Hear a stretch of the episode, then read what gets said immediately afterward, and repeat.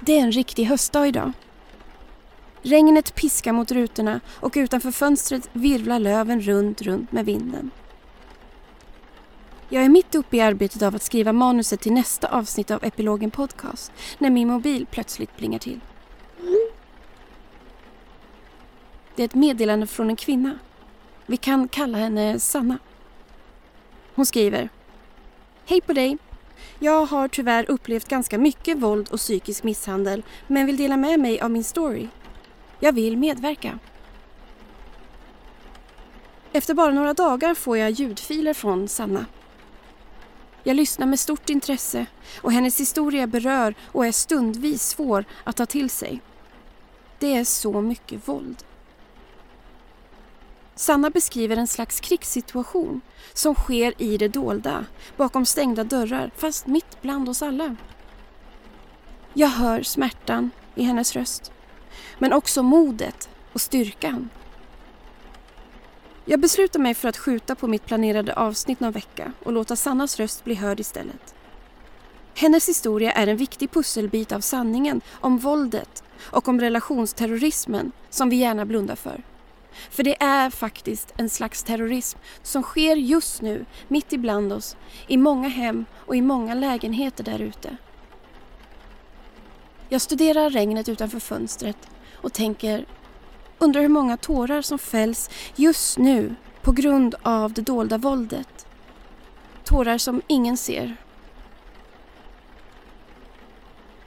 Så det här är Sannas epilog efterordet till det mörkaste kapitlet av hennes livshistoria. Det kan vara bra att veta att vissa delar av Sannas historia innehåller ganska detaljrika beskrivningar av våld. Tack kära Sanna för ditt bidrag till den här podden och för att du vill dela med dig av din sanning så att andra kan ta del av den och på så sätt låta din kamp bli en källa av kunskap och inspiration. Och inte minst tack för ditt mod och för att du är du. Du är helt fantastisk.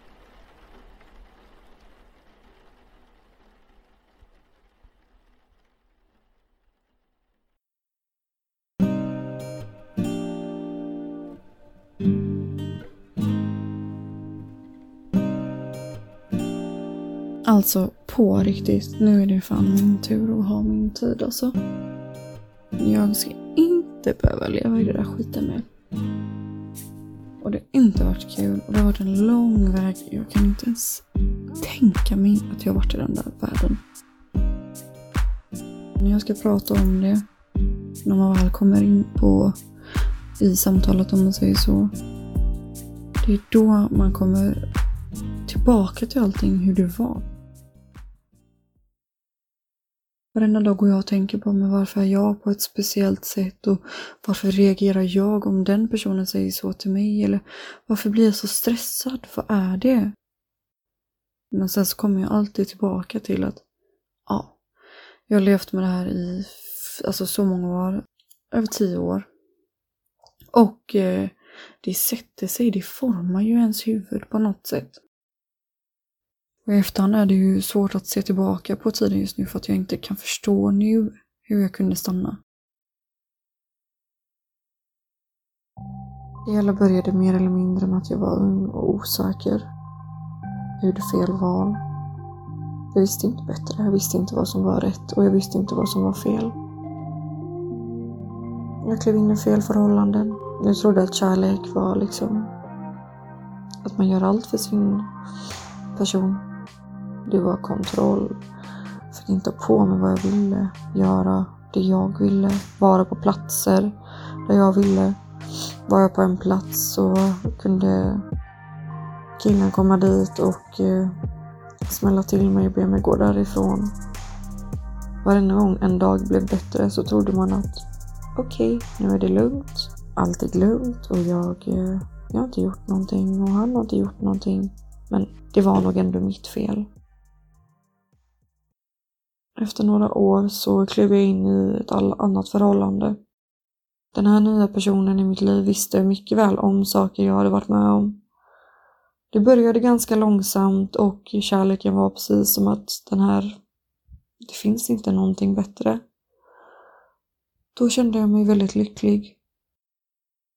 vi hade kul och det var mycket alkohol.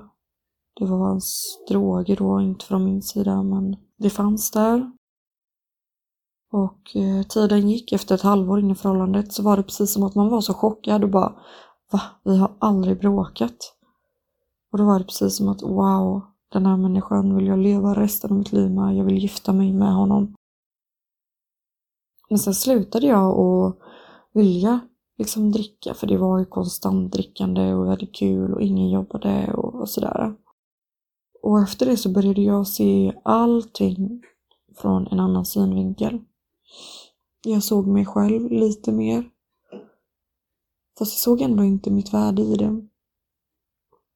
Men jag kände att det var någonting fel och det var mycket att kontrollet fanns ju där egentligen, alltså från start, men jag såg inte det för jag tänkte att det var kärlek. Kärlek som var wow, han gör verkligen allt för mig och han vill ju veta vart jag är, vem jag är med och ja, men allt om jag inte hört av mig och sådär. Då insåg jag ju att det är ju han som har gått bakom min rygg. Han hade då pratat med andra tjejer och så. Där började ju min självkänsla att bara falla samman. Och det var det som hände. Det bara blev värre och värre. Och var det då att han pratade med andra, då var det ju på grund av mig då. Det var mitt fel. Sen efter ett tag så blev jag ju gravid. Och det var då jag tänkte att okej, okay, det här kommer bli bra. För att vi hade ju bra stunder och då trodde man ju att de bra stunderna övervinner ju det dåliga. Men efter ett tag och varit gravid så sa han att han inte ville ha barn egentligen och att jag skulle ha gjort abort och att det var inte det han ville. Så att där började också det tappa sig. Började putta mig mera, saker gick sönder. Um, saker slängdes mot mig. Jag flög in i väggen. Fick ännu fler fula ord. Han gick till ännu mer tjejer och allt var ju bara mitt fel för nu hade jag ju verkligen förstört hans liv. Tiden gick och barnet kom. Det blev faktiskt mer slag då. Det var jättehemskt. Och han förändrades från att ha varit så perfekt i mina ögon till att seriöst bli ett monster. Jag visste aldrig vart jag hade honom. Sen så tänkte man att det är drogerna liksom, det är det som gör honom till en annan människa. Men nu i efterhand så ser jag att det var stort, stor del av det var ju drogerna, men en stor del var ju han själv. Och det att bli slagen och manipulerad och få så elaka kommentarer. Det är liksom... Det var kaos. Och man kände flera gånger att jag måste fly. Men jag kunde ju inte fly. Vi skulle ju vara en familj. Det var ju vi. Och skulle jag lämna honom då skulle det ju vara liksom en misär i sig. Och alla lever ju så. Man ska ju vara en familj.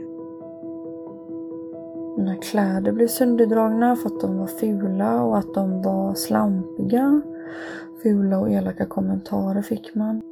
Blev strypt, inlåst, jagad. Även sexuellt blivit tvingad till något jag inte velat, tyvärr. Kom det ett slag och intryckta naglar liksom i låret. Så jag började ju blöda. Det är ju det att man bygger upp en mur man blundar och i de svåraste stunderna så är det ju allt man egentligen vill är ju att förövaren, alltså bara ska döda en egentligen. För man pallar inte. Det är så jäkla mycket känslor. Och så fort det tänds ett ljus liksom, då har man glömt att något dumt har hänt tyvärr. Och man var ju egentligen inte långt ifrån. Jag kunde ju lika väl, det kunde lika väl gått snett när jag blev strypen och eh, det bara blixtrade till i huvudet och allt blev svart. Det kunde, jag kunde lika väl ha dött då. Men eh, jag gjorde inte det. Jag klarade alla gånger men jag står här jag står nu. Oh, alltså när jag tänker tillbaka på den tiden så har man ju glömt av alla förnedringar på ett sätt. Känslan av att behöva vara rädd varje dag och gråta och tro att man ska vara perfekt hela tiden. Man måste se, se, man måste säga rätt saker. Eh, men som sagt, allt var ju bara mitt fel. Enligt han såklart. Man påminner ju på något sätt sig själv varje dag att man är dålig och hit och dit och dit. Men man vet ju inte varför man känner allt det här. Men att bli slagen minns man typ, alltså det vet man ju, det har ju hänt. Och man var ju ständigt stressad, alltså Gud, hade man kunnat mäta den stressen? Jag vet inte. Sen var jag också i den här bebisbubblan och skulle fokusera på mitt barn medan man bli slagen eller kallad för saker. Jag var överviktig den tiden. Jag mådde inte bra överhuvudtaget. Och det gick han på alla svaga punkter så det blev ju bara värre och värre. Man ser verkligen på bilder hur dåligt man mår. Och skammen som man bär på och inte våga säga till någon, att behöva ljuga om vad som har hänt. Jag hade blåmärken, mycket mer på kroppen, aldrig riktigt i ansiktet så. Ehm. Och det var ju också mycket att det kunde jag skylla på vad som helst. Det, det har ju hänt innan också att man liksom har haft en blåtyra och då skyllde man på att det var en sten som bara kom flygandes från ingenstans. Och då var det precis som att, ja ja, folk trodde verkligen på det typ. Och då var det helt lugnt. Våldet utökade ju såklart. Mitt barn växte ju upp lite mer och mer och fick se ännu mer. Och det var också där jag fick en, eh, en känsla av att jag vill inte förstöra ett liv. Jag vill inte förstöra mitt barns liv på grund utav honom. Och efter så många år så satte det till slut stopp för mig. Det var ju mycket tack vare mitt barn. Jag såg livet med andra ögon. Och bara det att jag höll i mitt barn och fick en örfil. Det var skrik och hot och det var knivhot och bara, va? Det här är inte ens okej. Okay. Men det här tänkte inte jag på just där och då. Utan det kom ju successivt. Det var ju liksom ur mitt barns ögon att barnet blir ju ledsen och och det gjorde ju ändå ondare mig och då fattar man ju ännu mer att någonting är ju fel. Och sen så gjorde jag ju slut. Då började ju den andra manipulationen om att han skulle ta sitt liv om inte jag kom tillbaka. Och det skulle vara familjelivet. Men efter alla, alltså jag vet inte hur många gånger han sa det, men över hundra gånger säkert. Och det var ju där man till slut tappade tilliten Hoppet fanns ju inte kvar. Hoppet om att få leva själv brann ju så hårt. Det var när jag blev nedtryckt, jag blev slagen och sparkad. Och där står min dotter. Mitt barn bara sprang mot mig och skrek mamma, mamma, mamma och var så rädd och bara skaka. Hon har verkligen panik. Hon har ju fått se det här ett antal gånger det där blev verkligen så här bara, jag måste lämna. Och jag måste göra det nu, oavsett vad. Då fick han verkligen gå härifrån. Det tackar jag eh, verkligen mitt barn för.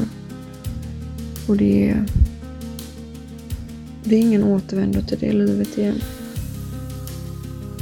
Och sen kom smsen hoten. Att jag skulle dö om jag var med någon annan. Att ingen annan kommer att vilja ha mig. Att jag inte är tillräckligt bra. Just då så visste inte ens jag att det fanns kvinnojouren KCK. Utan det kom ju till mig liksom ett halvår efter jag gjorde slut med honom. Och det var ju också då jag fick kontakta socialjour med mera. För att jag var ju rädd. Han liksom kunde ju stå utanför mig och så vidare. Jag kunde få sms. Sms bara kom och kom och han stalkade mig på sociala medier. Men jag blundade verkligen för det. Jag svarade inte på något utav dem. Jag började ju till slut fixa mig och jag mådde bra och jag såg mig själv som, som den människa jag faktiskt ville vara och den mamma jag ska få vara. När får jag verkligen leva på riktigt? Men jag känner ju nu att det är nu jag också börjar så småningom att göra det. Jag kan ju fortfarande såklart bli rädd och bli ledsen och irriterad och arg och allting för att det här finns ju alltid med mig. Ser någonting som påminner mig om det här, då, väcker ju alla, då väcks ju alla känslorna till liv igen. Och idag eh, så är jag verkligen vaksam. Jag eh, känner av varningssignalerna och jag tar tag i dem.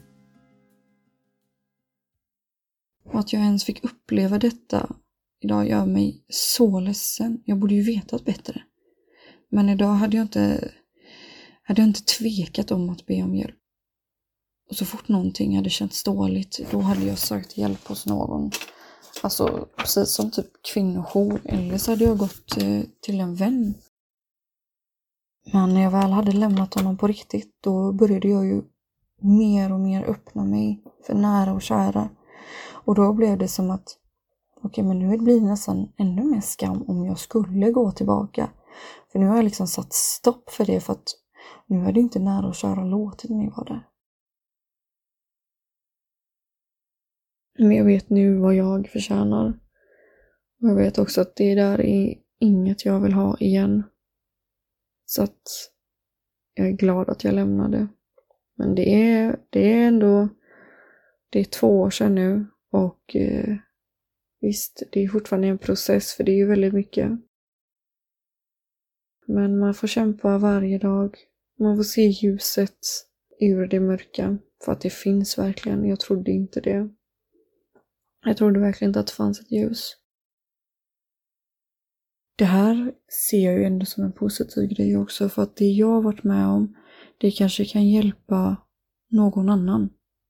Och det är så vi människor också växer.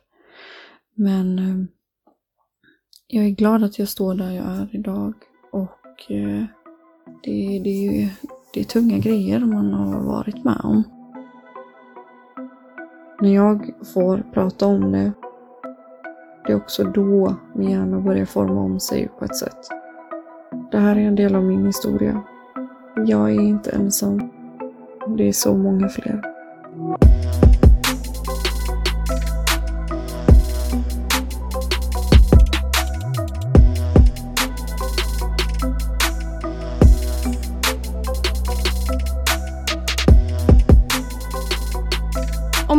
Dela med dig av din berättelse, din epilog, mejla på epilogenpodcast gmail.com